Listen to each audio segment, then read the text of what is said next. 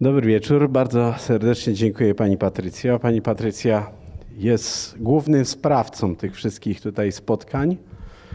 Ja się cieszę, że y, właściwie y, trudno się cieszyć, omawiając taki temat, że jest takie zainteresowanie, ale to zainteresowanie w mojej ocenie pokazuje, jak ten temat jest ważki, lotny. Proszę Państwa, wybrałem temat sprawców pedofilii, ponieważ Przeglądając literaturę przedmiotu, można się przekonać, że o ofiarach napisano naprawdę dużo. Natomiast o sprawcach pedofilii, jeśli chodzi o ten grunt badawczy i o grunt naukowy, tych pozycji jest niewiele. Na polskim rynku jeszcze większy, z większym ograniczeniem się spotykamy. A jest to na pewno temat intratny, bo ważne jest, żeby wiedzieć jak najwięcej o przeciwniku, żeby się jak najwięcej dowiedzieć o e, sprawcach, e, ponieważ wiedza o nich powoduje to, że możemy podejmować różnorakie działania prewencyjne. I tak na początku, proszę Państwa, rozpoczęlibyśmy sobie od definicji. Posługuję się zwykle tymi definicjami, które są ogólnie dostępne i które są e, na całym świecie odbierane jako te definicje, które są definicjami wiążącymi. I taką definicję między innymi przedstawia klasyfikacja ADSM-4, e, która mówi o kilku ważnych elementach w tej definicji. Po pierwsze, powtarzające się, intensywne popędy seksualne, jak i również pobudzające fantazje, które trwają przynajmniej przez 6 miesięcy. Znawcy tematu określili, że te, tego typu y, przymioty osoba, którą chcemy zakategoryzować jako sprawcę pedofilii, musi posiadać. I oczywiście, co jest bardzo ważne, związane są one ze stosunkami seksualnymi z dzieckiem przed okresem dojrzewania. Jak Państwo zauważyliście, twórcy definicji nie wskazali tutaj żadnego wieku. Dlaczego? A mianowicie dlatego, że różne klasyfikacje prawne na całym świecie ten wiek mocno różnicują. W Polsce ten wiek wynosi 15 lat. W Anglii 12 lat. W Stanach Zjednoczonych, na przykład w stanie Wisconsin, 21 lat. Dlatego, jak spojrzymy na kwestie związane z okresem dojrzewania, różne klasyfikacje prawne, które się posługują tą terminologią, w różny sposób traktują wiek dojrzewania. I mówi się tutaj o dziecku jako podmiocie, który jest atakowany przez sprawców. Oczywiście, proszę Państwa, w latach 60., w latach 70. ten temat był mocno traktowany po macoszemu. Kto oglądał film Spotlight, to doskonale sobie w stanie jest przypomnieć, jak ten temat wyglądał, że właściwie nie dysponowaliśmy żadnymi narzędziami, które by pozwalały stwierdzić e, wiarygodność psychologiczną dziecka, które stało się podmiotem. I oczywiście zazwyczaj sprawy te kończyły się umarzaniem ze względu na to, że e, w tego typu działaniach zazwyczaj mieliśmy do czynienia z osobą jeden na jeden. I zawsze tej osobie dorosłej, dojrzałej przypisywano większą wartość e, składanym przez nią wyjaśnieniu niż samemu dziecku. A jak wiecie, w tej kwestii jest mnóstwo ograniczeń, który, z którymi dzieci się spotykają, a które powodują to, że ich odbiór informacji na ten temat e, traktowany jest przysłowiowym przymrużeniem oka. Ja pamiętam sam taką sytuację w latach 80., kiedy moja Sąsiadka została dotykana w stodole przez y, jednego z starszych mężczyzn, który no w tej społeczności lokalnej zajmował dość ważną pozycję, bo był wójtem. No i oczywiście przyszła powiedzieć to mamie. Ja jej w tym towarzyszyłem, bo y, pewne fragmenty tej całej interakcji widziałem. I mama powiedziała, i cóż ci się takiego wielkiego stało? Podotykał cię, podotykał i już jest spokój. Trzeba o tym zapomnieć. Dlatego też, proszę Państwa, taki przełomowy rok w badaniach to jest rok 80., gdzie zaczęto przykładać dużo większą wagę do y, kwestii badania tego zjawiska, badania pedofilii. Spotkało się trzech dżentelmenów, Grot, Hobson i Gary. I oni zaczęli badania swoje w 80 roku. Populacja, którą wówczas badali, była to populacja osób skazanych. I na podstawie tej populacji, która w tym momencie nie była aż tak duża, bo to było niecałe 200 e, e, osób, które dopuściły się tego typu czynów, którym udowodniono winę, e, oparli swoje pierwsze klasyfikacje.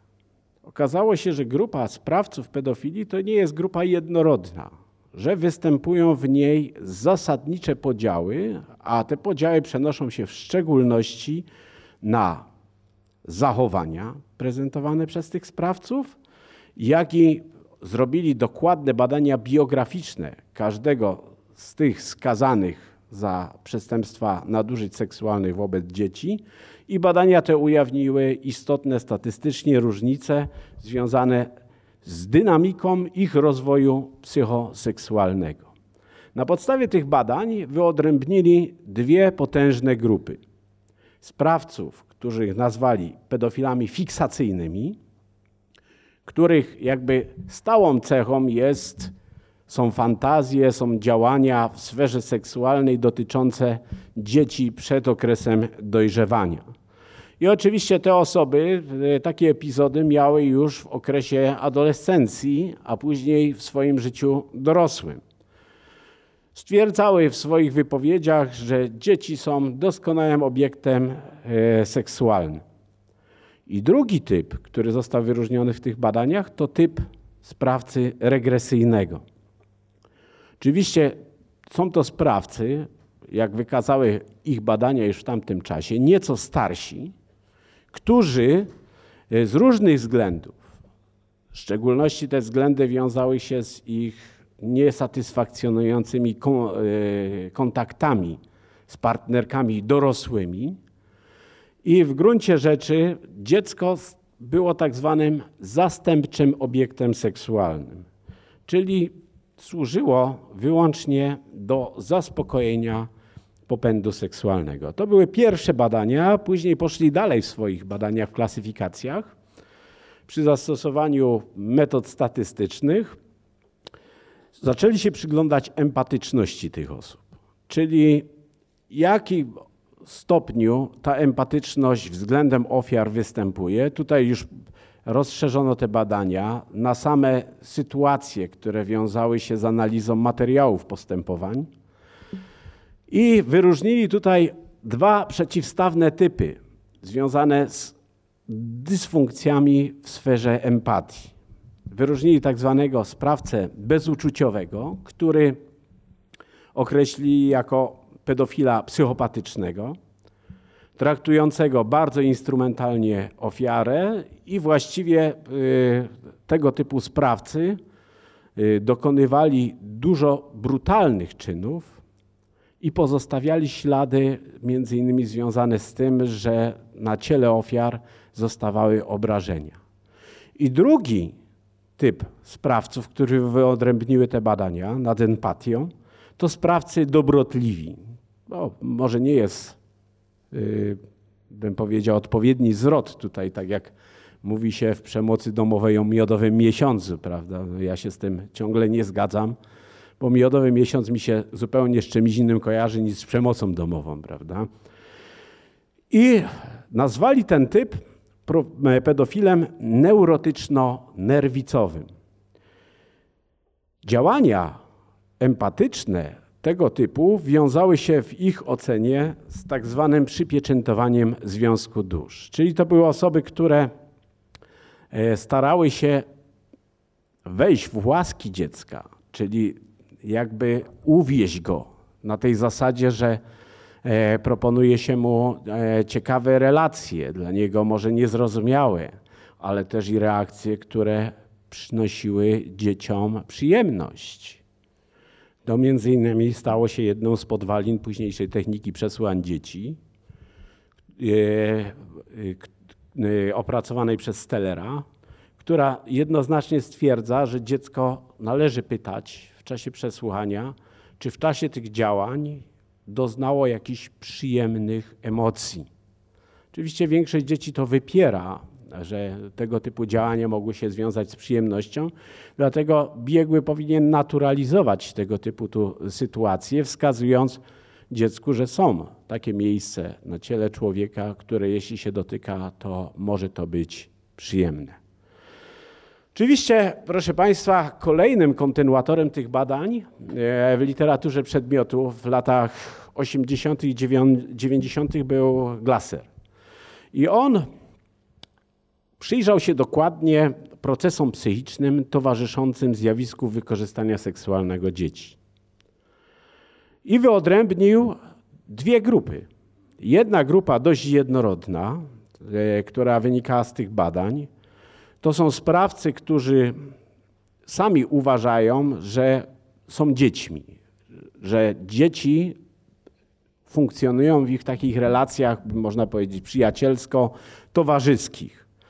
I nie chcą widzieć tych różnic między dzieckiem, co proszę Państwa zostało później wykorzystane w budowaniu e, typologii służących procesom e, wykrywczym. Między innymi te osoby starały się Y, tutaj w swoich działaniach podobnie umierać jak, ubierać jak dzieci.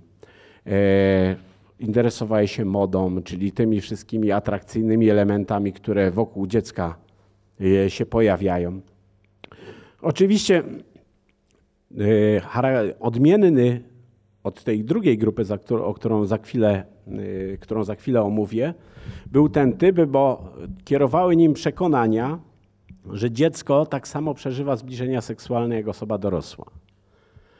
U podstaw tego stały y, heurystyki myślowe. Ci sprawcy w ten sposób zakładali, że skoro im w tych relacjach jest przyjemnie, to również dziecku może być przyjemnie i te kontakty dla niego mogą być satysfakcjonujące i zgodne z tymi oczekiwaniami, które posiada.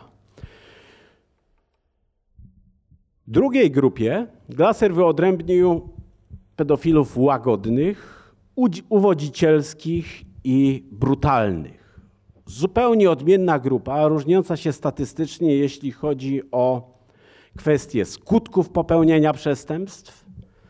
Na przykład badania Helen Salter dowodzą, że wszelkiego rodzaju nadużycia seksualne, jeśli nawet nie są przedmiotem postępowania i nie są przedmiotem zwierzeń dziecka, one pozostają w hipokampie. Tam znajdują swoje miejsce i znajdują dopiero odzwierciedlenie po latach w, w różnorakich sprawach. Sami Państwo słyszycie, media wielokrotnie podają takie sprawy, gdzie zgłasza się 20-letnia osoba, która doświadczyła nadużyć seksualnych w wieku przedszkolnym. I o tych sytuacjach zaczyna mówić. Oczywiście e, tutaj bardzo istotną rolę odgrywały badania jaźni. Okazało się w tych badaniach Lasera, że e, te przeżycia, które wiążą się z późniejszą pedofilią, bo tu mamy również grupę tych sprawców, którzy uprzednio byli molestowani seksualnie. Pamiętam jedną taką scenę z przesłuchania podejrzanego o tego typu przestępstwa, który stwierdził, no niech mi pan w takim razie odpowie na pytanie, mnie to robili, to dlaczego ja tego nie robić nie mogę? Oczywiście, proszę Państwa, u podstaw działania tych, tej grupy, jak widzicie, zróżnicowanej na trzy podkategorie, stoi agresja. Ta agresja jest przeniesiona na dziecko i ona wynika z wcześniejszych przeżyć tych osób, które w przeszłości doświadczyły nadużyć seksualnych. Osoby te zwykle noszą te znamiona i te rany, które powstały w tamtym czasie i które ujawniają się zwłaszcza w okresie dorastania i w okresie późniejszym. Te badania przyczyniły się do poszukiwania schematów myślowych. Będziemy sobie później mówić na temat zakładów karnych, których odbywają kary sprawcy pedofilii w Europie, głównie u naszych sąsiadów. bo jest to obszar najbardziej nam zbliżony kulturowo, więc możemy z niego czerpać również pewne elementy. Co się okazało w badaniu schematów myślowych sprawców pedofilii? Dlaczego nawiązywanie kontaktów seksualnym z dzieckiem poniżej okresu dojrzewania jest dla nich atrakcyjne i powoduje to, że dążą do takich relacji.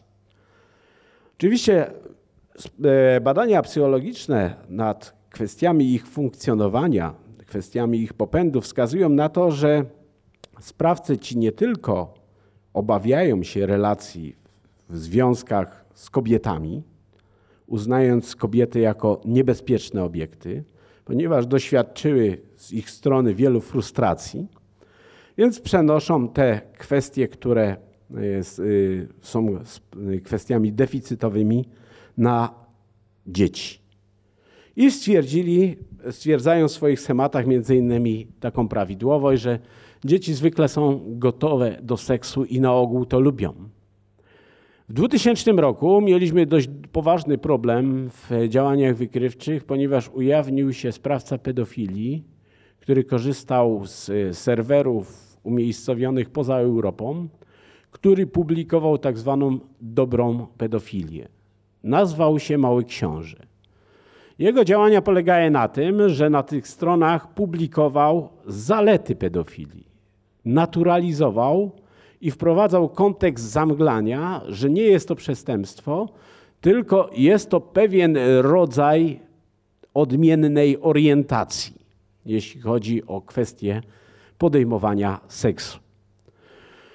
Między innymi jego działania zmierzały do tego, żeby wskazać, że tak właściwie nadużycia seksualne wobec dzieci nie są przestępstwem, ponieważ wiążą się albo z kwestiami przybliżania dziecku y, tych elementów, które wiążą się z nauczeniem go higieny ciała, albo y, y, prezentował tego typu działania, wskazując na ten aspekt pedagogiczny, czyli nauczanie dzieci, jak w tej sferze winny się zachowywać przyszłości. Inna myśl, która, schemat myślowy, który wystąpił u pedofilów, to to, że dzieci są lepszymi obiektami seksualnymi. Dlaczego? Dlatego, że dzieci nie narzekają, nie stawiają granic, e, zwykle nic nie mówią w tego typu sytuacjach.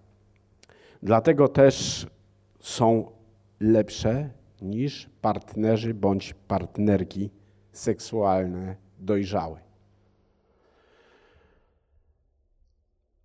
Kolejna garść informacji z badań, z której wynika, że mamy tutaj zasadnicze różnice, jeśli chodzi o płeć ofiar. Okazuje się, że sprawcy tej samej płci wybierają zwykle osoby w wieku między 8 a 12 rokiem życia.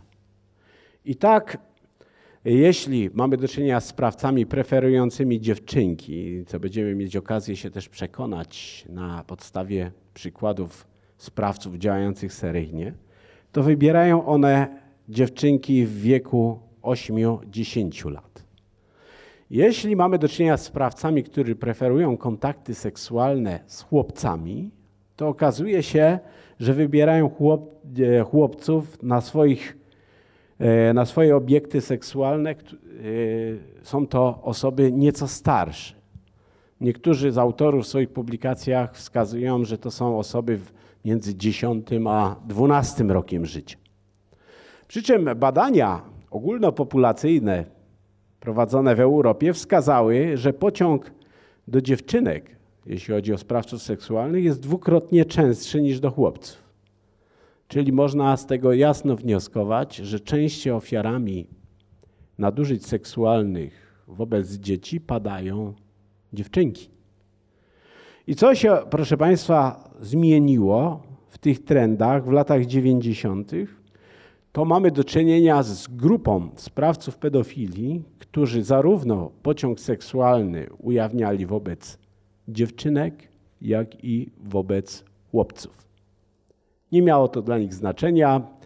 E, nie ma obecnie takich badań, które by wskazywały, co doprowadziło, jakie elementy, jakie schematy doprowadziły do tego, że sprawca raz wybiera na swoją ofiarę osobę płci żeńskiej, a raz, a następnym razem płci męskiej.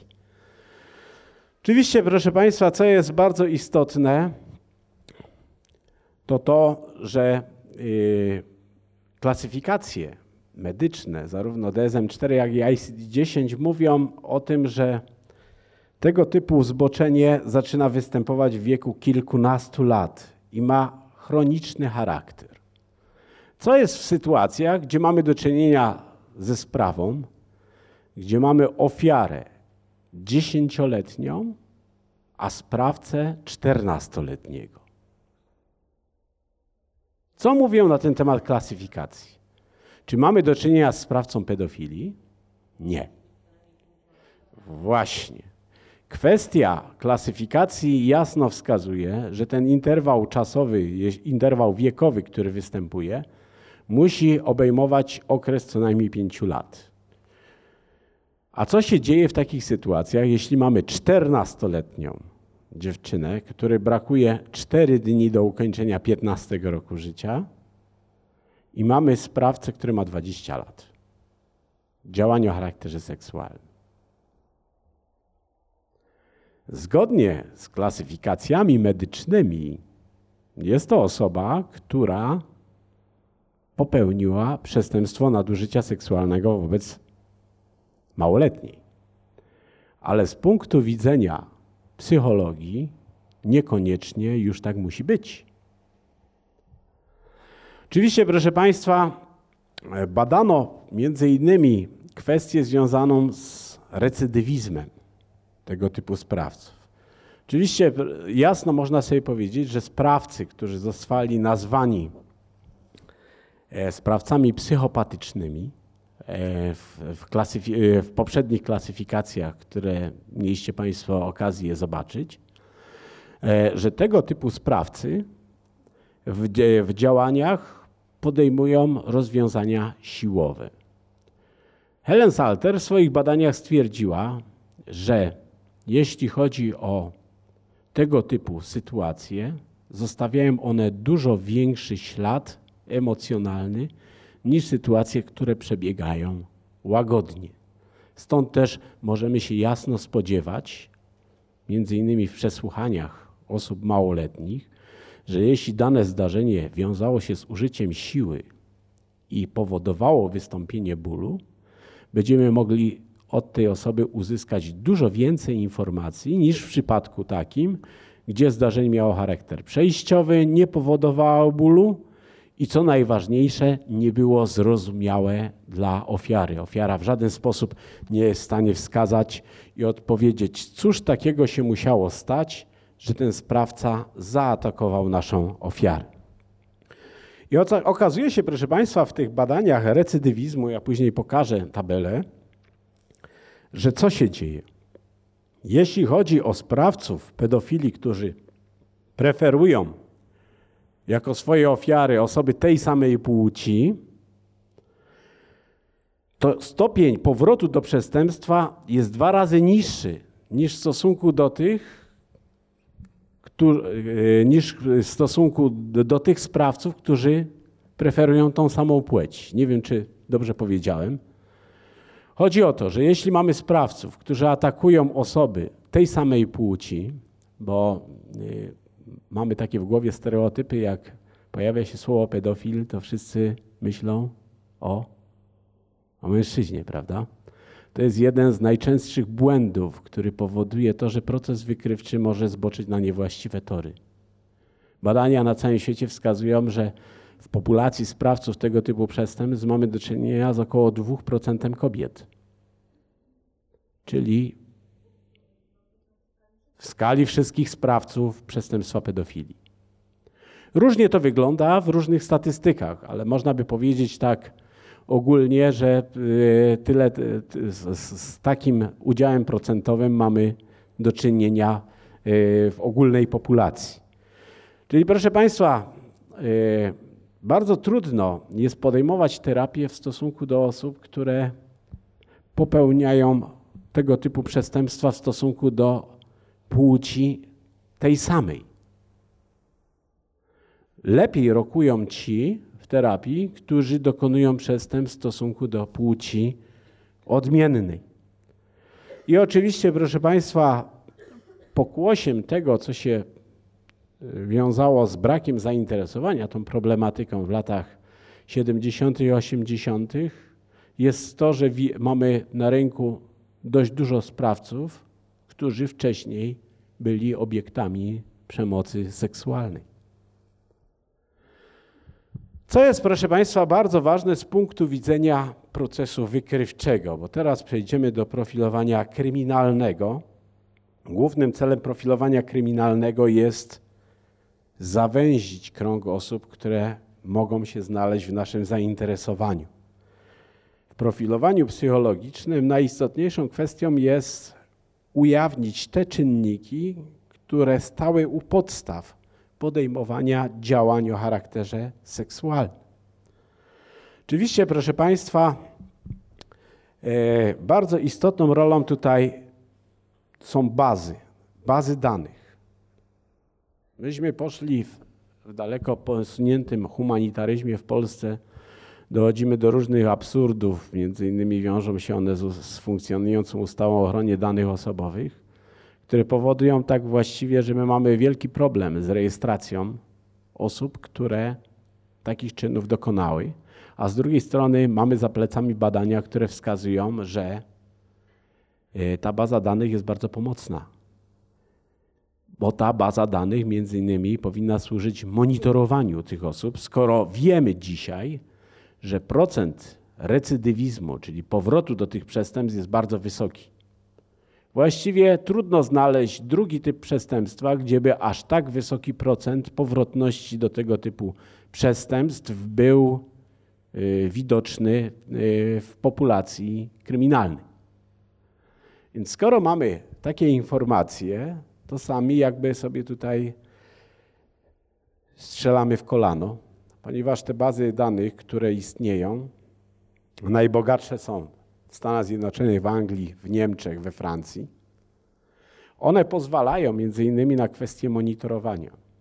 W Stanach Zjednoczonych doszło do tego nawet, że sprawcy, którzy zostali skazani prawomocnymi wyrokami, wychodząc na wolność, są dali, dalej monitorowani społecznie. Na przykład w stanie Wisconsin, gdzie każdy stan posiada swoje prawa, jest ten stan, to prawo nazywa się prawem Megan od ofiary, która e, doświadczyła tego typu zdarzeń. Prezentowane są zdjęcia, jak i dane biograficzne, dane, e, które ułatwiają identyfikację w merostwach, gdzie społeczność wie, że na ich obszarze funkcjonuje osoba, która dopuściła się tego typu czynu. I oczywiście to wspomaga bardzo mocno monitorowanie dalszych działań tej osoby. Oczywiście, proszę Państwa, w Polsce brak jest takich danych. Myśmy spróbowali próbowali e, stworzyć dość koślawą bazę danych, bo ona zawierała tylko sprawców, którzy zamieszkują na terenie Śląska bądź którzy działali na terenie Śląska. Ale to jest baza nieudolna, ponieważ no, obejmowała tylko taką populację. A co mogę Państwu powiedzieć? Dalsze badania, zwłaszcza y, związane z profilowaniem geograficznym tego typu sprawców, wskazują, że jest to najbardziej wędrowny typ sprawców. Bardzo często się przemieszcza, zmienia swoje miejsce zamieszkania, zmienia swoje miejsce pracy. Z reguły są to osoby, jak później przedstawię wyniki swoich badań, które mieszkają samotnie, które mieszkają z partnerką, która stanowi swoistego rodzaju za, zasłonę dymną. Są to osoby, które częstokroć zmieniają miejsca, w których przebywają, albo też mieszkają z matkami. Co jest, proszę Państwa, bardzo istotne, że żeby z tym zjawiskiem coś zrobić, to trzeba podjąć działania korekcyjne, lecznicze, terapeutyczne, żeby dążyć do zmian. Studentom, którzy uczęszczają na moje zajęcia, przedstawiam to na przykładzie. Co trzeba zrobić, żeby ugotować jajko? Po pierwsze, mieć to jajko, prawda? Po drugie, mieć garnek, mieć wodę i co jest najistotniejsze, mieć dostateczną ilość paliwa. Da się ugotować jajko w 15 sekund? Nie. Czyli ten proces musi trwać. Pamiętam, w 2005 roku uczestniczyłem w konferencji zorganizowanej przez Rzecznika Praw Obywatelskich przez profesora Cola, a inspiracją do tej konferencji był list, który otrzymał z zakładu karnego od jednego ze sprawców, którego puenta brzmiała w ten sposób: Zabijcie mnie albo wyleczcie. Co się okazało, proszę Państwa? E, organizatorzy tej konferencji zaprosili na to spotkanie przedstawicieli służby więziennej z państw, które są naszymi sąsiadami konkretnie. E, przyjechali przedstawiciele z Czech i z Niemiec. I oni dzielili się swoimi doświadczeniami. W Niemczech pierwszy zakład karny dla sprawców dokonujących nadużyć seksualnych powstał w 1979 roku. W Czechach w 2001. W Polsce wtedy były zalążki i e, pierwsze próby stworzenia programów terapeutycznych, jak i stworzenia specjalnych oddziałów. I mamy tego sprawcę, który ma dobrą atrybucję odpowiedzialności za leczenie umiejscowioną wewnątrz. On, on podejmując terapię nie robi to ani dla rodziny, ani dla żony czy konkubiny, ani dla proboszcza, ani też nie robi tego dla lekarza, terapeuty. Ta atrybucja odpowiedzialności musi być umiejscowiona wewnątrz. I okazało się, proszę Państwa, bo zrozumiałym faktem jest, że jeśli ktoś nie ma motywacji do zmiany, do podjęcia leczenia, to choćby go nawet podjął, to wynik tych oddziaływań będzie mizerny. Co się okazało? Stworzono półroczne programy terapeutyczne.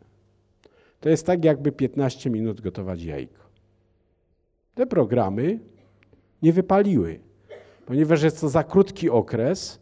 Sądy w tym czasie nie yy, dokonując warunkowych zwolnień, nie na, nakładały obowiązku na tego typu sprawców kontynuowania terapii, czyli podejmowania dalszych działań. Poza tym istniała bardzo mizerna liczba ośrodków wolnościowych, które by tą terapię kontynuowały. W Niemczech jest to w ten sposób zorganizowane, że sprawca tego typu przestępstw, wychodząc, trafia do kurateli, która mu organizuje kwestie związane z podejęciem dalszego leczenia. I trafia do ośrodka. W Czechach trochę inny akcent przełożono odpowiedzialność za tą osobę na służbę zdrowia, gdzie on, wychodząc z zakładu karnego, miał się zgłaszać do określonego ośrodka i tam kontynuować oddziaływania terapeutyczne. W naszym kraju w tym czasie nie było właściwie żadnych rozwiązań, bo dysponowaliśmy w tamtym okresie czasu trzema ośrodkami wolnościowymi w Polsce. Dwa umiejscowione w Warszawie, jeden w Łodzi. Więc tego procesu gotowania jajka nie można było wydłużyć. A żeby jajko ugotować na twardo, to ile potrzeba czasu? No, mamy tutaj liczne przedstawicielki kulinarne, to może się dowiem. Ile? Trzy minuty, pięć minut? Nawet sześć, prawda?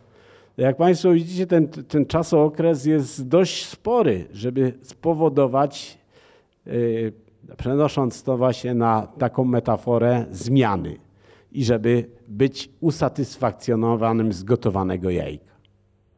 Dlatego też, proszę Państwa, sam proces związany z prowadzeniem oddziaływań terapeutycznych, jak widzicie, napotyka na wiele skomplikowanych problemów, na wiele przeszkód, w rezultacie powodując to, że mamy dość wysokie wskaźniki powrotu do dokonywania tych przestępstw.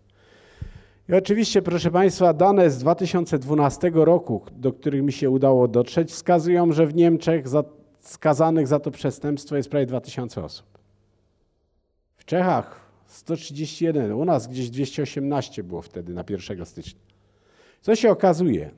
Tu mamy osoby poddane terapii. Jak widzicie, w niektórych krajach, tak jak w Niemczech, jest to prawie połowa, a w niektórych, tak jak w Polsce, to jest jedna trzecia. I kwestia teraz, autorzy tych raportów wskazywali na to, badali przez dwa lata osoby, które zostały poddane terapii, czy powróciły na tą drogę, czy nie powróciły. I trzecia rubryka przedstawia między innymi ten aspekt, na ile osoby powróciły do dokonywania tego przestępstwa, jak można jasno zauważyć, w Niemczech ten procent recydywizmu jest najniższy. W 2005 roku w ogóle myśmy nie dysponowali żadnymi danymi, bo myśmy rozpoczęli w ogóle kwestie związane z podejmowaniem leczenia w warunkach izolacji więziennej. Dlatego, proszę Państwa, dlaczego o tym mówię? Dlatego, że mamy do czynienia z sytuacją, teraz podnosi się duża Y, duży lęk w opinii publicznej odnośnie e, tak zwanych bestii, prawda, które będą wychodzić niedługo na wolność. Więc no jasno można sobie odpowiedzieć na pytanie, skoro nie podjęli żadnych oddziaływań, to czego możemy oczekiwać w takim razie od osób, które niedługo zaczną chodzić po ulicach, a wielu z nich to można by powiedzieć tak zwane tykające bomby, które w każdym momencie mogą tego typu działania podjąć. I to jest jeden z argumentów, który też mówi o tym, dlaczego my potrzebujemy baz danych. Potrzebujemy, teraz y, podjęto pracę, słyszeliście y, rok temu, była zapowiedź ministra sprawiedliwości odnośnie kwestii związanych z monitorowaniem i z dostępem do danych dotyczących tego typu sprawców na różnych poziomach E, do którego oczywiście do tego dostępu część zostanie tych danych upubliczniona, a część zostanie z tych danych e, zarezerwowana tylko dla tych służb, dla których tego typu informacje mogą mieć istotne znaczenie. Tu jest fotografia, proszę Państwa, jak jeden z zakładów karnych w Niemczech, to jest zakład karny w Lingen, gdzie mamy do czynienia z oddziałem terapeutycznym. Niemcy kiedyś w latach 70. wpadli na genialny pomysł w cudzysłowie i zaczęli tworzyć zakłady karne tylko dla sprawców pedofilii. Szybko od tego pomysłu odeszli, w związku z, między innymi z ucieczkami. Nastąpiła taka ucieczka pięciu osób, które w ciągu tygodnia popełniły kilkanaście przestępstw seksualnych na tym terenie. I wtedy opinia publiczna podniosła głos związany z tym, że no, takiej takich sytuacji oni sobie nie życzą. Zresztą gdy pamiętacie sytuację z Trękiewiczem, który wychodził na wolność i miał trafić do Rudy Śląskiej, tam do swojego tego kolegi z, z celi, to co się działo w Rudzie Śląskiej, to można było obserwować w mediach, bo te informacje na bieżąco były przekazywane. Więc wiadomym jest, że żadna społeczność lokalna takie, takiego rozwiązania nie jest w stanie zaakceptować. Oczywiście, proszę Państwa, jak Niemcy pokazali te zdjęcia, jak wyglądają warunki na takim oddziale terapeutycznym, wielu z polskich oficerów służby więziennej podniosło larą, mówi, no to przecież jak mają jak w hotelu. Jak zobaczycie te obrazki, prawda, gdzie kuchnia, co jest, proszę Państwa, dużą ciekawostką, to bardzo dużo kobiet pracuje na tych oddziałach, jak, jak można zobaczyć na tych zdjęciach, bo jest to sposób jakby na naturalizowanie tych relacji i kontaktów z kobietami, zgodnie z tym schematem poznawczym, który mówi, kobiety są niebezpieczne. Czyli próba adaptacji kwestii związanych z, z funkcjonowaniem kobiet i zmiany sposobu myślenia na ich temat przez sprawców. Oczywiście te warunki muszą takie być, bo to jest jeden z głównych motywatorów też dla osób, które zostaje skazane za tego typu przestępstwa do podjęcia oddziaływań. Mówię jeden z istotnych czynników, nie najważniejszy. I oczywiście tu, proszę Państwa, e, na tym slajdzie przedstawiona jest, ile jest liczba zakładów opieki zdrowotnej, które e, posiadają wyspecjalizowaną kadrę do kontynuowania terapii i leczenia osób wychodzących na wolność, a posiadających tego typu zaburzenia. Przejdźmy, proszę Państwa, do profilowania sprawców. Co róż słyszeć w słychać w mediach, różnorakie informacje na temat tego, że małoletnie dziewczynki zwłaszcza zostały zaatakowane i brutalnie zgwałcone bądź wykorzystane seksualnie. Oczywiście, proszę Państwa, oj, y, ja bym tutaj powiedział, mamy do czynienia z dwoma grupami sprawców, dzieląc te grupy pod względem takim stricte policyjnym. To jest podział, który zaproponowałem z jednych z artykułów. To są sprawcy dobrze znani ofierze, wywodzący się z ich środowiska, gdzie proces wykrywczy nie zastręcza zbyt wielu problemów. Te problemy oczywiście są, ale są to osoby znane ofierze. I drugi typ sprawców, który jest nieznany ofierze, gdzie pojawia, pojawia się bardzo dużo komplikacji związanych między innymi z tym, żeby zawęzić krąg osób, żeby tego sprawcę ująć, który dokonał tego przestępstwa. Oczywiście wszystko zmierza do tego, żeby wyłowić tego jednego, który w tej społeczności lokalnej, oczywiście istnieje tu wiele mitów. Gdybym dzisiaj zrobił taki sondaż tutaj na sali, jak wygląda sprawca pedofilii, to byśmy się mogli dużo ciekawych rzeczy dowiedzieć, prawda? E, bo wyobrażenia nasze dotyczące tej kwestii są zróżnicowane. W związku z tym, że mamy do czynienia z tymi dwoma grupami, których jedna zna doskonale sprawcę, albo zna go przynajmniej z tak zwanego widzenia, a druga grupa nie zna sprawcy, bo on pochodzi i wywodzi się z zupełnego innego środowiska, podstawą tego, tej typologii stało się zaadoptowanie ich do działań wykrywczych, do działań kryminalnych. I badania prowadzone nad sprawcami przestępstw pedofilii na populacji 189 sprawców wykazały, że mamy do czynienia z dwoma potężnymi grupami, które nie są jednorodne. My mamy do, do wpół do siódmej? To jeszcze mamy do, jak będzie tak 10 minut, to proszę o sygnał, bo ja zbyt mogę rozgadać i przedłużę to spotkanie. Pierwsza grupa preferencyjni, czyli ci, którzy działania seksualne podejmowane z osobami przed okresem dojrzewania stanowi względnie trwały sposób funkcjonowania i sytuacyjni, czyli ci, którzy poszukują zaspokojenia popędu seksualnego z dzieckiem przez okres dojrzewania jako ofiara traktowana jest przez nich jako tak zwany substytut. Stąd też, jak zatrzymywani są sprawcy przestępstw nadużyć seksualnych wobec dzieci w telewizji widzicie jakąś starszą osobę, mówicie, jać.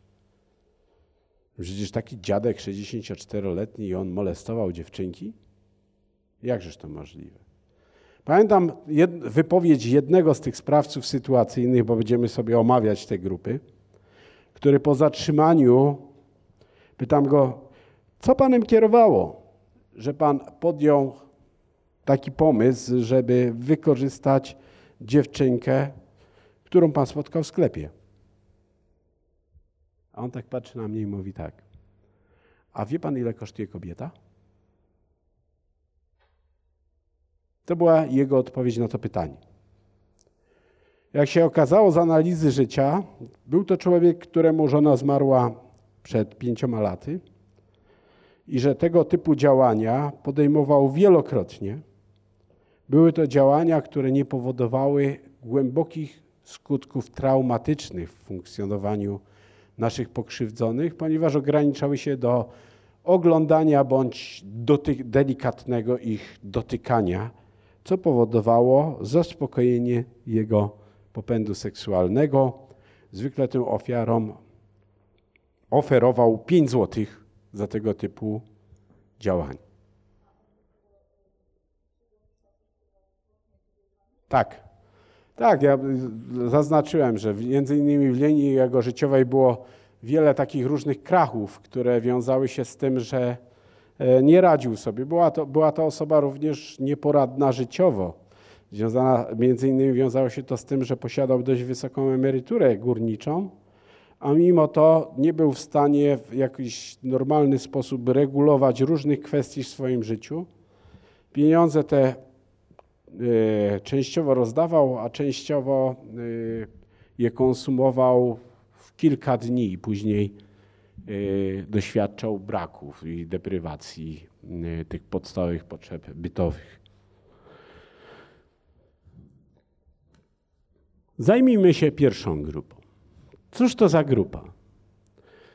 Badania wskazały na to, że osoby, które przynależą do tej bardzo szerokiej grupy, bo ona nie jest jednorodna wewnętrznie, na co wskazały również badania, że w tej grupie mamy do czynienia z sprawcami, którzy doświadczyli nadużyć seksualnych w dzieciństwie, w okresie dorastania. Między innymi jest to grupa osób, które który, w której przeważa introwertywny i ambiwertywny tryb przeżywania. Osoby, które z reguły w okresie wzrastania miały ograniczone kontakty społeczne, czyli ich grono znajomych było bardzo wąskie, bądź ograniczało się do jednej osoby, a wielu z nich prowadziło samotniczy tryb życia. Osoby te jeśli podejmowały służbę wojskową, która była obowiązkowa, to jest kryterium, które teraz już właściwie nie ma wielkiego znaczenia, bo zmieniły się regulacje w tej kwestii, to były osoby, które przedwcześnie tą jednostkę wojskową opuszczały z przyczyn trudności, kłopotów adaptacyjnych. A częstokroć wiązało się to również z tym, że te osoby posiadały zaburzenia osobowości. Dokonywały samouszkodzeń, co było jedną z przesłanek związanych z tym, że byli relegowani e, z tej służby wojskowej. W ich życiu miały miejsce częste zmiany, nieoczekiwane przeprowadzki, bo okazało się, że pokaźny procent tej grupy to osoby funkcjonujące w rozbitych rodzinach które zazwyczaj mieszkały z matkami, gdzie ojcowie przestali się interesować ich rozwojem. Byli aresztowani poprzednio za sprawy podobne. I tu, proszę Państwa, chciałbym zwrócić na jedną uwagę, bo panuje takie powszechne przekonania, że sprawcy, którzy dokonują działań o charakterze ekshibicjonistycznym, to doskonały materiał na sprawców pedofilii. Okazuje się, że badania na świecie wykazały, że nie ma tu żadnych związków. Że owszem, podejmują działania o charakterze seksualnym, ale ekshibicjoniści praktycznie w nikłym stopniu e, w późniejszym czasie stają się osobami zajmującymi się nadużyciami seksualnymi wobec dzieci. Najczęściej były to jakieś sprawy, które wiązały się z ingerowaniem w sferę seksualną drugiej osoby i były to zdarzenia niezwiązane z jakimś wysokim kalibrem. Nie mówię tutaj oczywiście o tych recydywistach, którzy działali w sposób brutalny, którzy odbyli karę pozbawienia wolności, którzy nie podejmowali żadnych działań resocjalizacyjnych, którzy nie Y, uczestniczyli w programach proponowanym ich, y, im przez y, służby penitencjarne w czasie odbywania kary pozbawienia wolności. I są to osoby, proszę Państwa, które w swoim życiu miały wiele ofiar. Pamiętam na początku mojej służby w policji Hura optymizm policjantów, którzy ujawnili sprawcę pedofilii, sprawcę e, preferencyjnego i na tym zamierzali kończyć swoje działania. Czyli jest złapany, zamykamy, przedstawiamy akt zaskarżenia, osądzamy i wszystko w porządku. Jak się okazuje, proszę Państwa, między innymi ten czynnik związany z posiadaniem dużej ilości ofiar ma istotne znaczenie w procesie wykrywczym. W sytuacjach takich bardzo istotną rolę odgrywa prześledzenie całego dosie życiowego tego klienta. Nie wiem, czy słyszeliście Państwo o przypadku Pękalskiego, seryjnego zabójcy, prawda? Co się okazało, co było impulsem do tego, że organy ścigania zaczęły śledzić jego życie, jego styl życia, jego zmiany. Pamiętacie?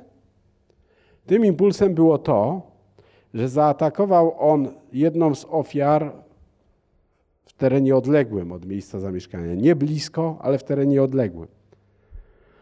I gdy zaczęto się przyglądać jego podróżom w różnych miastach, w Toruniu, Gdańsku, tu u nas, Siemianowicach, w Bytomiu, okazywało się, że on te miejsca bardzo dobrze zna.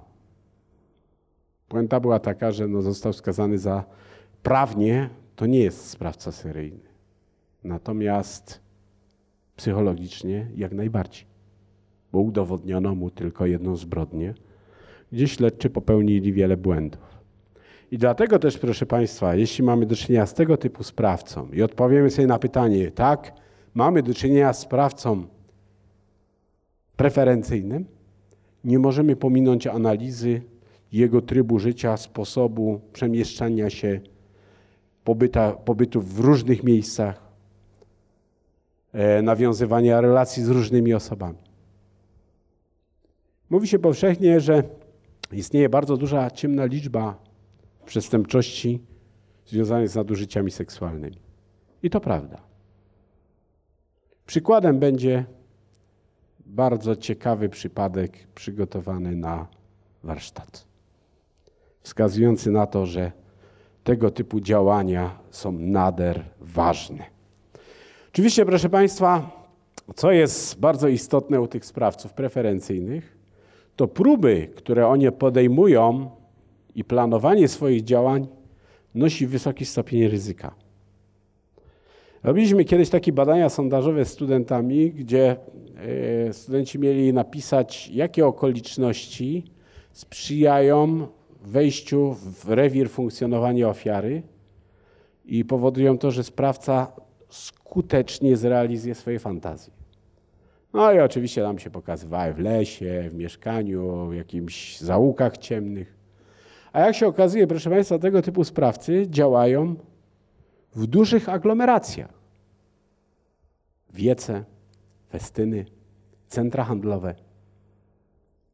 To jest doskonałe miejsce. Wydaje nam się z naszego punktu widzenia, że to jest miejsce nader ryzykowne do tego typu działań.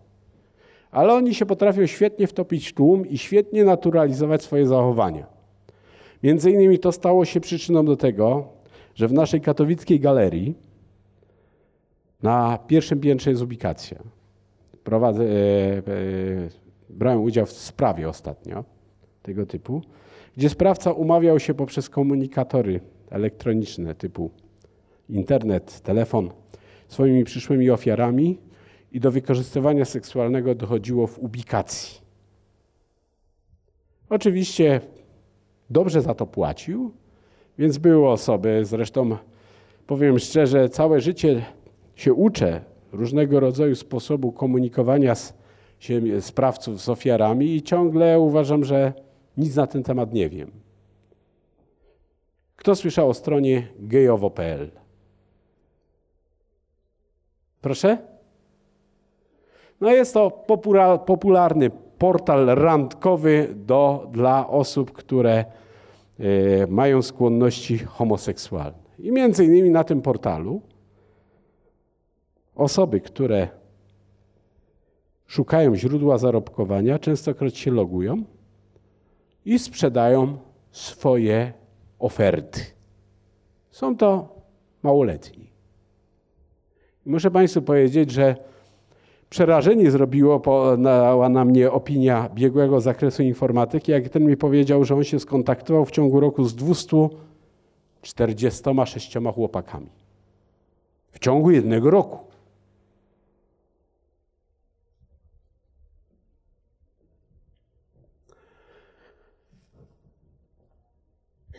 Dużo czy mało? Oczywiście nie każdy kontakt kończył się tymi relacjami seksualnymi. I co mówią badania na temat sprawców preferencyjnych? Są to osoby, które mają więcej niż 25 lat zazwyczaj, które nie ożeniły się, zazwyczaj są to single. Albo jeśli funkcjonują w relacjach partnerskich, to to jest tak zwany popularny konkubinat, który dość często ulega zmianom. Mieszkają sami albo z rodzicami. Chodzi mi tutaj głównie o matkę. Jeśli podejmują działania związane z umawianiem się, to jest z pewnego rodzaju zasłony dymnej, czyli takie, bym powiedział, powierzchowne. Z wywiadów wiktymologicznych mogę Państwu powiedzieć, że i z wywiadów psychologicznych Pamiętam do dziś taką sytuację, gdzie e, po przesłaniu spotkałem się z dziewczyną sprawcy preferencyjnego i mówię, jak to było z tymi relacjami seksualnymi? A ona mówi, wie pan, gdy miało już coś dojść, gdzie sama to inicjowałam, to on zawsze twierdził, że jeszcze na to nie nadszedł czas, że dopiero po ślubie, bo tak mówi nauka Kościoła, bo e, tego typu relacje mogą zaburzyć więzi między nimi. Oczywiście wśród tej grupy są również żonaci, którzy wskazują na szczególny związek z żoną. I co, proszę Państwa, o dziwo występuje, to te partnerki, te żony mówią o nich jako praktycznie nieskalanych, posiadających bardzo wysoką reputację osobach i nie dopuszczają nawet myśli, że w tego typu sytuacjach mogli uczestniczyć. Oczywiście, proszę Państwa, następna rzecz to jest przesada w zainteresowaniu dziećmi. Na sali są osoby, które mają dzieci, tak? Ile? Proszę ręka w górę, żeby się zorientować. Bo to jest w końcu strefa rodzica. Myślałem, że to sami rodzice przyszli, prawda? Otóż, proszę Państwa, co się dzieje? Gdybym Wam zadał takie pytanie socjologiczne. Ile czasu poświęcasz dziecku w ciągu tygodnia? Wskaż w godzinach. Tak. Ale to nie chodzi o to, że on tam sobie gdzieś siedzi na komputerze gra albo ona, a ja sobie siedzę w kuchni gotuję obiad, bo to nie jest żaden kontakt, prawda? Taki kontakt, który polega na relacjach, na rozmowach, na wspólnym spędzaniu czasu, spacery itd., itd. Tak 15 godzin. O, to jest pani w czołówce. No. No, takie dzieci między 8 12 rokiem życia. Otóż, proszę Państwa, kolejne kwestie wynikające z badań wskazują na to, że te osoby są w stanie wygospodarować 30 godzin tygodniowo na kontakty z dzieckiem. Znają jego zainteresowania, zwyczaje. Pamiętam takiego sprawcę, który wszedł w łaski chłopaka, który się mu spodobał, a wiedział o tym, że ten chłopak jest wielkim fanem ruchu Chorzów i w tydzień posiadł taką wiedzę na temat historii klubu, która mu zaimponowała, której ten chłopak nie miał. Oczywiście, proszę Państwa, to jest przesadne zainteresowanie dziećmi. W tym się objawia. W poszukiwaniu różnych form aktywności, żeby wspólnie z dzieckiem uczestniczyć w tego typu działaniach. Oczywiście, proszę Państwa, co jest bardzo ważne, związki kontakty interpersonalne tych osób wskazują na to, że ich krąg przyjaciół, takich najbliższych stricte, to są zwykle osoby młodsze. To nie są ich rówieśnicy, a broń Boże starsi. Następna kwestia. Mają ograniczone kontakty z tymi, którzy są równolatkami bądź osobami nieco starszymi. Wybierając ofiary, preferują wiek i płeć. Między innymi na to wskazuje dokumentacja fotograficzna e, z ataków. To jest bardzo istotnym elementem w procesie wykrywczym, żeby taką dokumentację sobie gromadzić, czyli uzyskać fotografie osób zaatakowanych przez sprawcy, których sposób działania jest podobny, żeby poszukać w tych kwestiach prawidłowości. Stąd też bardzo ważną rolę odgrywa ubiór sytuacjach podjęcia ataku. Co jest bardzo istotną kwestią, to o dzieciach wypowiadają się w sposób, by można powiedzieć, cudowny. Ja mam takie pytanie odnośnie punktu F, bo tak się zastanawiam, co to znaczy stanowią ludzie młodsi krąg przyjaciół. Ja na przykład mam 30 lat, tak?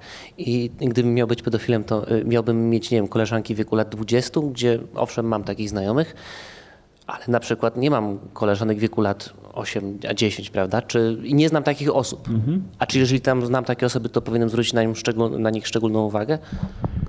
O Proszę Państwa, ta, ta, ta różnica wiekowa jest dość spora między tymi osobami, e, które stanowią krąg przyjaciół, bliskich. To jest 10, 12 lat, 15 lat mniej. To są takie osoby. Oczywiście, proszę Państwa, to nie jest wskaźnik i cecha, która już wskazuje, że mamy do czynienia ze sprawcą. Wiadomym jest, jest takie polskie przysłowie, jedna jaskółka wiosny nie czyni. Więc budując profil takiej osoby, musimy wziąć pod uwagę szereg czynników, które występują bądź które nie występują. Oczywiście, proszę Państwa, kwestie teraz sposobu funkcjonowania i zdobywania ofiar. Jak oni to robią? Ci preferencyjni. Oczywiście, proszę Państwa, łatwo identyfikują te ofiary, które można zdobyć. Nie mając jakiejś bogatej wiedzy psychologicznej, potrafią tak dobierać te osoby, że w niektórych sytuacjach budzi to nawet podziw, że wybrał tą osobę, poznał jej system wartości i uderzył w takie wartości, które dla niej stanowią podstawę. Następnia kwestia to identyfikacja z dziećmi. Poprzez co? Poprzez ubiór. Wystrój pokoju u tych sprawców ma cechę orientacji z młodości. Załóżmy, jaki teraz jest taki najmodniejszy zespół rokowy. Nie, nie, nie jestem w temacie zwykle, e, jeśli chodzi o te kwestie. No nie jest modny. Ale pamiętam za moich czasów na przykład Guns Roses. I wyobraźmy sobie osobę, która ma 50 lat i ma w swoim pokoju plakaty Guns Roses. To budzi jakieś zdziwienie, czy też nie? No z 10 tak? Albo ma modele samolotów. Jeden na drugim. Wiszące na ścianie, na szafie stojące. Otóż, proszę Państwa, okazuje się, że te kwestie identyfikowania się z dziećmi wiążą się z poszukiwaniem takich zainteresowań, które wiążą się z zainteresowaniami dziecka. Bo jest to poważny element do podjęcia interakcji. Sprawcy ci posiadają dość dużą wiedzę na temat trendów, które istnieją. Pamiętam takiego sprawcę, który zwykle chodził ubrany w seledynowym dresie z Adidasa, miał 40 lat. Ten strój powodował to, że nie było już takiej bariery. A, cool, fajnie ubrany, prawda? Jeszcze miał taką fryzurę na irokeza. Zainteresowanie wzbudzał swoim wyglądem. Kwestia teraz dostępności dzieci. To jest ważny wskaźnik. Jakie zajęcia wykonuje? jakie prace podejmuje, które pozwalają mu na naturalne kontakty z dziećmi. Takie, które w żaden sposób nie nasuwają podejrzeń. Na przykład, powiem Państwu, to jest bardzo ciekawy wskaźnik też, jeśli chodzi o populację homoseksualistów. Homoseksualiści swoje zawody nie wybierają sobie od tak, o, będę to robił. Oni się zastanawiają.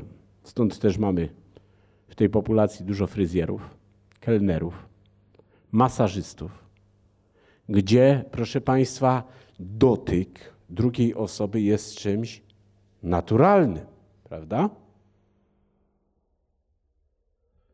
Czyli, proszę Państwa, kwestia dostępności do dzieci.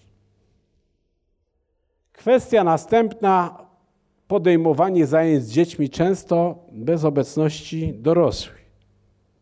Zwłaszcza to dotyczy tych dzieci z syndromem klucza na szyi, gdzie ci sprawcy bardzo często przyglądają się tego typu obrazkom i dobierają sobie wewnętrznie na podstawie fantazji dany typ. Wiadomym jest, że ten zwyczaj, teraz już może mniej obecny w naszej dobie, ale kiedyś pamiętam e, dzieciaków z kluczami na szyi było dość dużo na osiedlach. To był taki dość wyraźny impuls i sygnał, że moi rodzice nie poświęcają zbyt wiele czasu, bo są zapracowani i późno wracają do domu. I dlatego planowanie takich zajęć to są baseny, to są siłownie, to są kluby fitness. To są wreszcie takie miejsca, w których dzieci lubią przebywać, jak hipermarkety. Kwestia manipulowania dziećmi. A przepraszam, jeszcze kwestia uwodzenia. Prezenty, afekty, troska. Jeśli mamy osobę w klasie, dziewczynkę, która Y, którą grupa wyklucza społecznie i nagle spotka się z sygnałami, że jesteś ładna, piękna, inteligentna, dobra, życzliwa, to co się dzieje z taką osobą?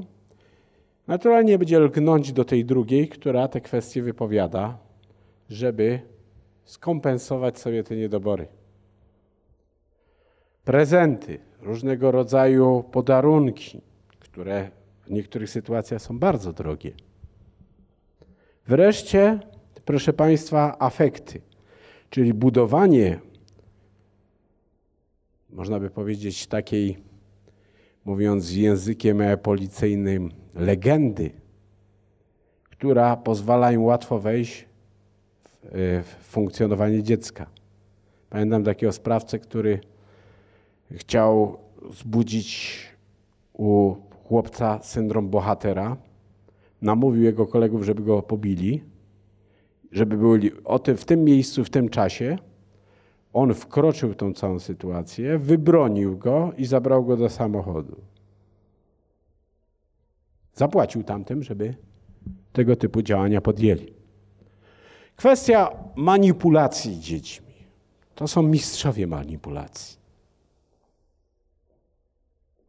Zrobiłem sobie eksperyment. Zamknijcie oczy i przenieście się w czas dzieciństwa. I zadajcie sobie pytanie, czego się wstydziłem, wstydziłam, mając 7 lat.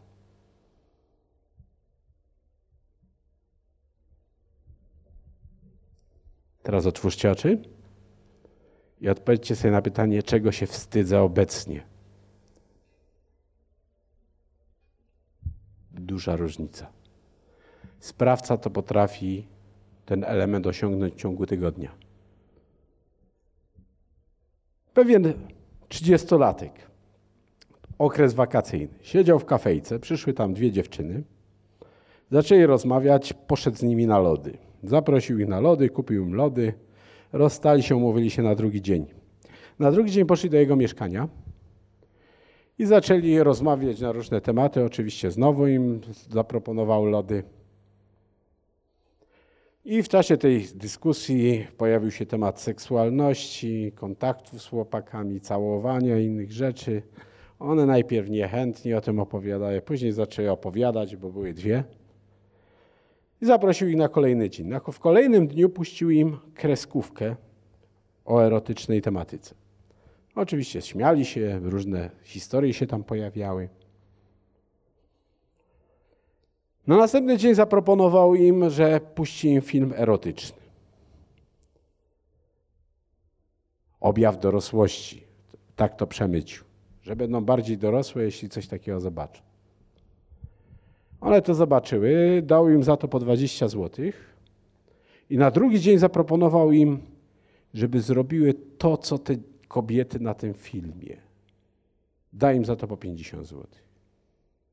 Zrobiły. Czemu nie? W kolejnym tygodniu poprosił ich o masaż. Obniżał ich poczucie wstydu. Zrobiły. Obiecał im po stówie, ale dał im po 50 tylko, powiedział, że nie ma. I to doprowadziło do zgłoszenia sprawy. Proszę? 12.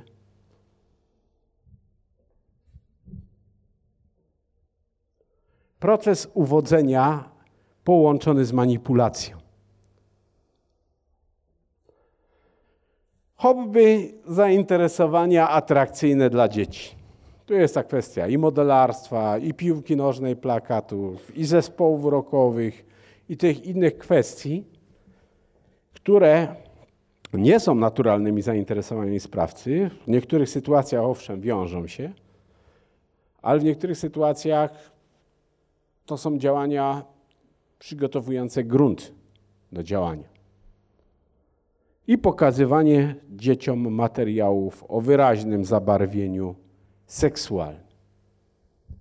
Następna kwestia to, proszę Państwa, fantazje sprawców preferencyjnych. Fantazje wiążą się przede wszystkim z ich wystrojem pokojów, z fotografowaniem dzieci, poszukiwaniem pornografii dziecięcej w internecie, kolekcjonowaniem pornografii, materiałów erotycznych o różnym zabarwieniu. Pamiętam, przyjechali raz policjanci z przeszukania. Ja mówię, ma, no nic żeśmy nie znaleźli. Ja byliście tam w domu wszystkich tych, no wszystkie pomieszczenia, wszystko dokładnie sprawdzone. No nie, jeden mówi, nie, no jednego żeśmy tak dokładnie sprawdzali, bo tam był taki pokój, ale tam było dużo zabawek, takie miśki, lalki były różne. No ale to mówię, to myśmy tam tego nie sprawdzili dokładnie, bo tam dziecka pokój, nie? Ja mówię, a mieszka tam jakieś dziecko?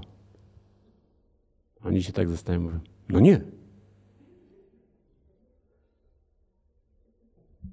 To jest, proszę Państwa, ten efekt związany z tym, że posługiwanie się pewnego rodzaju stereotypami w myśleniu czasami powoduje to, że możemy pewne kwestie przeoczyć. Oczywiście najgorsze jest w tym wszystkim, bo sprawcy preferencyjni pozbawiają życia swojej ofiary. To jest w tym wszystkim najtrudniejsze. Będziemy mówić o, zwłaszcza o tak zwanych sprawcach sadystycznych. I oczywiście taki wewnętrzny podział, który się wykrystalizował z tych badań, okazuje się, że jest to grupa niejednorodna. Różnią się kwestiami motywacji, kryteriami wyboru ofiar, jak i sposobem działania. I to ich bardzo różnicuje. Ten pierwszy, który został nazwany uwodzącym, jego motywacja wiąże się z identyfikowaniem z dzieckiem i jego potrzebami. Poprzez to uwodzi. Poprzez wskazanie takiej zasady jedziemy na tym samym wózku. Robimy to podobnie, myślimy podobnie, mamy podobne wartości, mamy podobne zainteresowania. I oczywiście ten typ sprawcy, podtyp sprawcy wybiera ofiary z perfekcją. Albo to są dziewczynki, albo chłopcy. Zazwyczaj nie preferuje kontaktu z osobami raz y, płci żeńskiej, raz płci męskiej. Jego metoda działania to jest cały proces uwodzenia. Tak jak pokazałem to na tym przykładzie z tym mężczyzną, który spotkał dwie dziewczynki w kafejce internetowej. Ten proces uwodzenia występuje w wielu analizowanych sprawach. Ale nie będę, nie będę się zagłębiał, bo chcę o każdym powiedzieć przynajmniej ze trzy zdania jeszcze, a czasu mamy niewiele. Drugi typ to introwertyk. Jego działania, jego preferencje seksualne jako stały, względnie stały sposób działania wynikają z motywacji dotyczącej obaw i lęku przed komunikacją z ludźmi, w szczególności z kobietami. U tego sprawcy występuje właśnie taki schemat myślowy. Kobiety są niebezpieczne, a dzieci nic nie kojarzą. Jak wybiera ofiary? Wybiera on bardzo młode ofiary. Z tego względu, że te ofiary, jak to się mówi potocznie, nic nie jarzą. Siedmio, ośmioletnie dzieci. Obce, zupełnie nieznane Czasami dochodzi do uprowadzeń tych dzieci, do krótkotrwałego pozbawienia ich wolności. Jak działa to jest niewerbalny kontakt seksualny, który tam wskazuje osobie, żeby coś zrobiła. Ona, e, o zabarwieniu erotycznym, ona tego dokładnie nie rozumie. Podejmuje takie działania i stosuje wówczas e, takie działania o charakterze uwodzącym, przemieszcza tą ofiarę w inne miejsce. Najgorszy z typów sadystyczny. Tu jest, proszę Państwa, dominuje u niego potrzeba zadawania bólu. Jak żeśmy cytowali badania z zakresu psychologii nad tego typu sprawcami, mówiliśmy sobie o agresji jako takim wiodącym elemencie towarzyszącym dokonywaniu nadużyć seksualnych. Ten sprawca lubi zadawać ból. Ten ból wpływa na, nie, na niego erotyzująco i powoduje u niego wystąpienie y, erekcji. Bardzo często.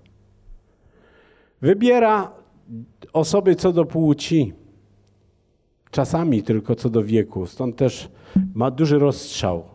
Na przykład wybiera dziewczynki dwunastoletnie, ale w tej grupie mogą się znaleźć i szesnastolatki, które wyglądają na dużo młodziej. Metoda działania przyciąganie i przymus.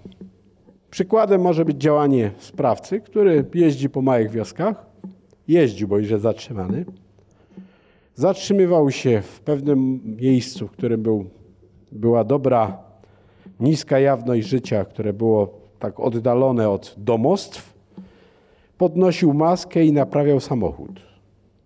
Dziewczynka podchodziła, Pytał ją, gdzie może znaleźć mechanika. Tam mu chciała oczywiście pokazać. Miał otwarty bagażnik, wpychał ją do bagażnika i wywoził. Tam podejmował z nią działania seksualne, bardzo brutalne. Możecie o nim przeczytać w zbrodni niedoskonałej.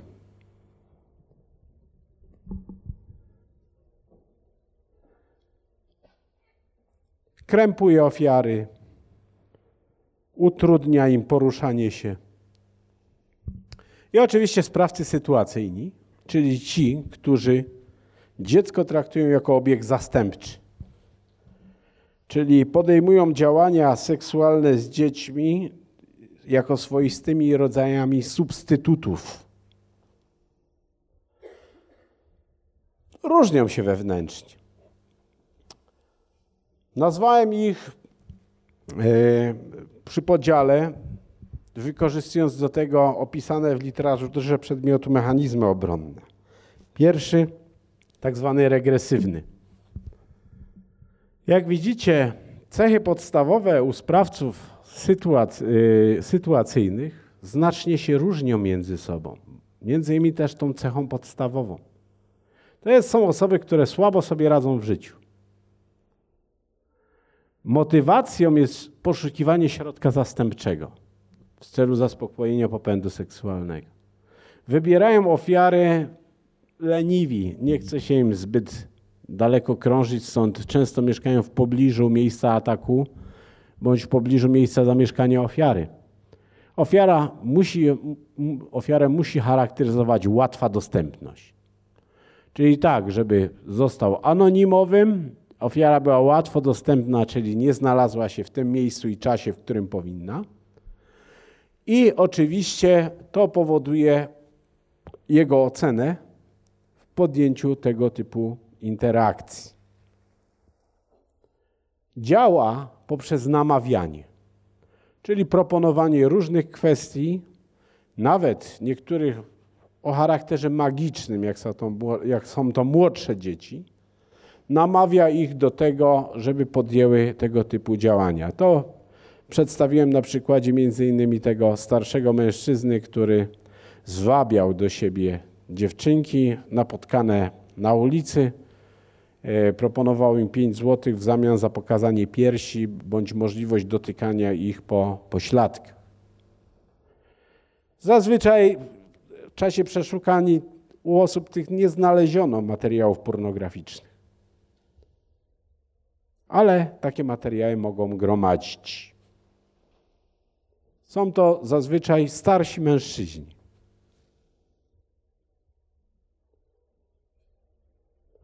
Bez skrupułów moralnych. Czyli taki, który w swoim życiu wykorzystał już mnóstwo osób. Który wykorzystuje na każdym kroku sytuację. Na przykład ma papierosy, ale widzi kolega wyciągnął papierosy i zaczyna palić. Mówi mu, wiesz co, poczęstuj mnie.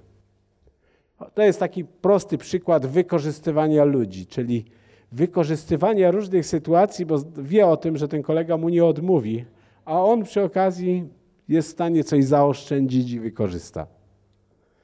Motywacja dlaczegoż by nie z dzieckiem? Przecież różnego typu sytuacje się zdarzają. Poza tym dziecku nikt w to nie uwierzy, że doszło do takiej sytuacji.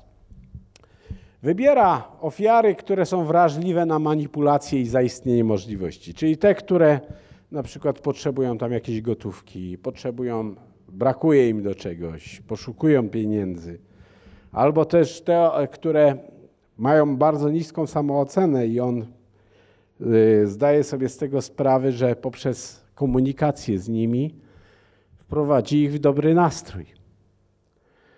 Jak działa? zwykle przyciąga siłą i manipuluje do tego.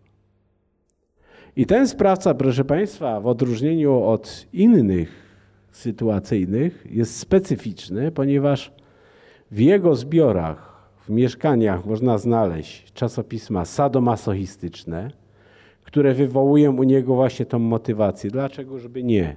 Ludzie różne rzeczy robią. Jak i detektywistyczne, związane z tym, żeby uniknąć odpowiedzialności za to robić. Co zrobić, żeby nie pozostawić po sobie śladów? Głównie tych śladów biologicznych. Dużo czyta. I wreszcie, proszę Państwa, bardzo ciekawy, bez skrupułów seksualnych. Czyli ten, który w życiu eksperymentuje seksualnie. To jest jego podstawa. Na tej zasadzie byłem z brunetką, blondynką, rudą, nie byłem z szatynką. Byłem w lesie, byłem na jeziorze, nad jeziorem, byłem nad morzem, nie byłem w windzie. I takie, proszę Państwa, te kwestie związane z eksperymentowaniem jest znudzony tym, co mu życie przyniosło. Zazwyczaj są to osoby, które no, posiadają dość duże środki materialne. Pamiętam jeden z takich, który odpowiadał typu, tego typu y, opisom zawartym y, w podziałach. Prezes firmy umawiał się z dziewczynami poprzez y, wchodzenie na Facebooka. Y, przedstawiał się zupełnie jako ktoś inny. Spotykał się z tymi dziewczynami, wynajmował pokoje w hotelach. Tam podejmował z nimi relacje seksualne i na tym jego bytność się kończyła. Co jest, proszę Państwa, bardzo istotne dla tego klienta, to to, że jego ofiara, którą wybierze, musi być inna i nowa. To nie może być ta sama. Stąd też atakuje wiele osób i trudno go powiązać, bo nie ma jakichś specjalnych preferencji, że to muszą być blondynki, brunetki. E, te ofiary zazwyczaj wyglądem różnią się między sobą. Natomiast opisy tutaj interakcji, które podejmuje, które zbieramy w czasie przesłuchania, i tu mamy kolejną barierę, wielki problem, bo de facto biegły, który nie zbierze dobrych informacji w czasie przesłania dziecka molestowanego, zamyka drogę innym. Ustawodawca jasno wskazał, kto jest tak zwanym dominus litis tej czynności, a jest nią sąd. Poza sądem takich informacji bezpośrednio od dziecka zbierać nie można. Jedynie ja, jeśli ten materiał jest ubogi, zrobię tak, że zwykle, że proszę matkę, żeby była pośrednikiem w tych informacjach. Żeby ich uzyskać tyle, jeśli w czasie przesłania tych informacji jest za mało, żeby cokolwiek powiedzieć o sprawcy. A tu pośpiech też częstokroć jest tym czynnikiem i obciążenie sędziego, który mówi, a ja mam tyle papierów, muszę coś innego robić, to musimy tą szybkość. Proszę? Chodzi mi o to, czy jeżeli zdobyliśmy taką informację od ofiary, która sama nam to wyznała. Mhm. Oczywiście nie, nie można było... tego użyć w celach procesowych. Profilowanie kryminalne tym się charakteryzuje, że ma ono, ono zazwyczaj charakter nieprocesowy, czyli działania podjęte przez psychologa to nie działania biegłego, ale osoby, która mówi, którą mówią przepisy zarządzenia 636 PF komendanta głównego, pełni rolę konsultanta albo tak zwanej osoby wspomagającej. Mieliśmy taką sytuację, że zdobyliśmy taką informację i powiadomiliśmy o tym organy ścigania. To... A, jako podmiot, instytucja, tak? Aha, dobrze. To, to... to jest inna kwestia. I Państwo złożyliście zawiadomienie, więc w takim zawiadomieniu te informacje mogą być oczywiście i są przetwarzane. Oczywiście, proszę Państwa, co jest ważne, ten klient, ten typ ma bardzo zróżnicowaną kolekcję pornograficzną. I tam jest i zoofilia, i gerontofilia, i innego rodzaju działania. Taki jeden z sprawców założył sobie, żeby mieć więcej adrenaliny, na swoją ofiarę wybrał córkę prokuratora okręgowego.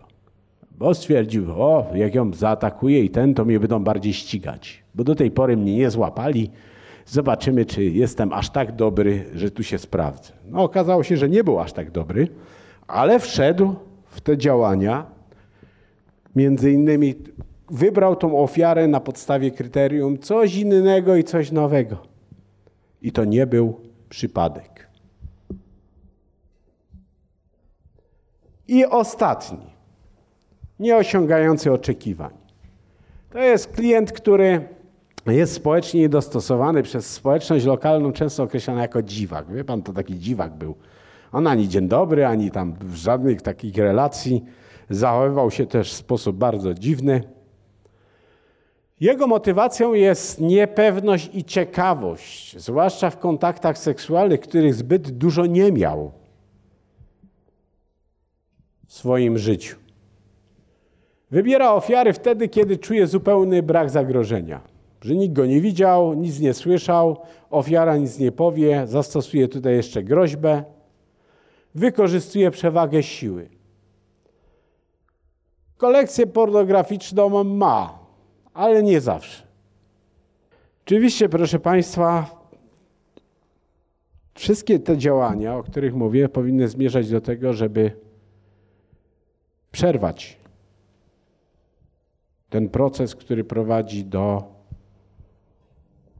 molestowania seksualnego małoletnich, bo to są czyny, które uderzają nie tylko w ciało, ale przede wszystkim w umysł. A czy spotkał Pan e, takich pedofilów lub istnieją w ogóle tacy? Bo tutaj obraz raczej był taki dosyć negatywny tej osoby, którzy wiedzą, że robią źle i chcieliby skończyć, ale mówią, że no jakoś nie potrafią po prostu. Owszem, są takie osoby, które na przykład mówią, w moim życiu było za dużo golizny, albo które mówią, muszę coś zrobić, bo jak nic nie zrobię, to tylko mi pozostaje popełnić samobójstwo. Które wiedzą o tym, te działania o charakterze popędowym są silniejsze od nich i mają problemy z kontrolowaniem sytuacji. Ale po to też jest terapia, żeby nauczyć ich między innymi tego, żeby wyłapywać te wyzwalacze, które później generują ich tego typu zachowania. A czy może pan doktor polecić jakieś aktualne polskie publikacje na ten temat, żeby zgłębić go? Jeśli chodzi o sprawców, to jest ich bardzo mało, już mówię. Owszem, pokazują się co jakiś y, czas publikacje. Taką, która została niedawno przetłumaczona na język polski, to książka Ensalter Drapieżnicy, która traktuje o, o, o tej problematyce z punktu widzenia bardziej terapeutycznego niż wykrywczego. Więcej pokazuje się artykułów na ten temat. Z książek, co bym jeszcze polecał, to książkę doskonałą, którą napisała pani profesor Maria Bajsert, Pedofilia która zawiera wiele informacji. Natomiast te książki głównie skoncentrowane są na kwestiach związanych z działaniami, jak i z możliwościami e, oddziaływań terapeutycznych wobec sprawców tego typu przestępstw. Co do metod działania, takich pozycji nie ma wiele, są artykuły albo rozdziały w książkach, między innymi w tej, której sam, sam napisałem w profilowaniu kryminalistycznym, również jest rozdział poświęcony sprawcom pedofilii. No właśnie, ja chciałam zapytać, czy to się faktycznie wyklucza, że nie można jednocześnie zajmować się wykrywaniem tego rodzaju przestępstw oraz pracą z takimi osobami? Proszę Państwa, to jest tak, jakby komuś powiedzieć, y, ktoś, kto pracuje jednocześnie z ofiarą, a później pisze profil sprawcy, to tak jakby e, wchodził w podwójną rolę. Sam sobie napisał profil, a teraz dopasował do tego ofiarę, prawda? Choćby i ta zależność tutaj metodologiczna jest no, istotną przeszkodą. Nie można łączyć dwóch funkcji. Trzeba albo ukierunkować się na osoby, które y, są ofiarami i tu podejmować diagnozę, jak i te wszystkie działania, które wynikają z y, oczekiwań y, sądu, albo zajmować się samymi sprawcami. Miałem, taki, miałem taką sytuację, gdzie mieliśmy seryjnego sprawcę zgwałceń, który działał bardzo brutalnie.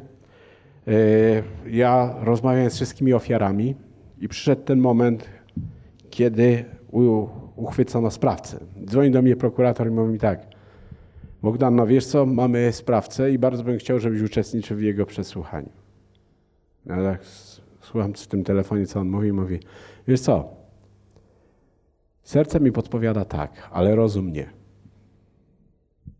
Nie byłoby to dobre dla całego procesu.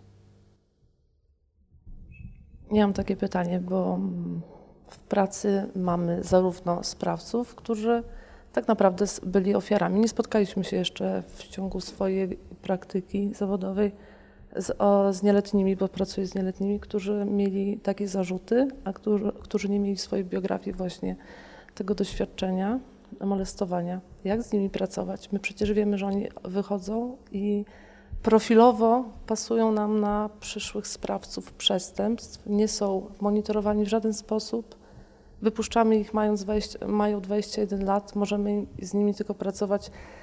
Umówmy się terapeutycznie, jeżeli w warunkach zamkniętych jest to trochę inaczej, inaczej się pracuje z nieletnimi. Zdecydowanie, pytanie, proszę może, Państwa, to jest bardzo ma, poważny jakieś, problem. jakieś sugestie z Pana strony? To jest bardzo poważny problem, który no, na, tym, na naszym poziomie jest nierozwiązywalny. To jest poziom, który no, wiąże się z y, decyzjami na wyższym szczeblu. Myślę, że Ministerstwo Sprawiedliwości nie, nie, e, nie, nie identyfikuje tego problemu, bo te sprawy bardzo często trafiają do postępowań cywilnych, rodzinnych, gdzie mamy do czynienia z atakiem osoby małoletniej, też na małoletnią, a te działania mają charakter wskazujący na funkcjonowanie tego typu dewiacji. I tutaj, no moim zdaniem, powinny y, powstać ośrodki, które się będą w tym specjalizować. I osoby, które mają takie doświadczenia, powinny w tych ośrodkach y, przebywać. Skoro mamy podziały w zakładów karnych z oddziałami leczniczo-wychowawczymi, skoro mamy podziały zakładów karnych, w których przebywają recydywiści i izoluje się tych sprawców jednych od drugich, to tym bardziej e, w stosunku do osób dojrzewających, młodocianych, te procedury również powinny mieć zastosowanie.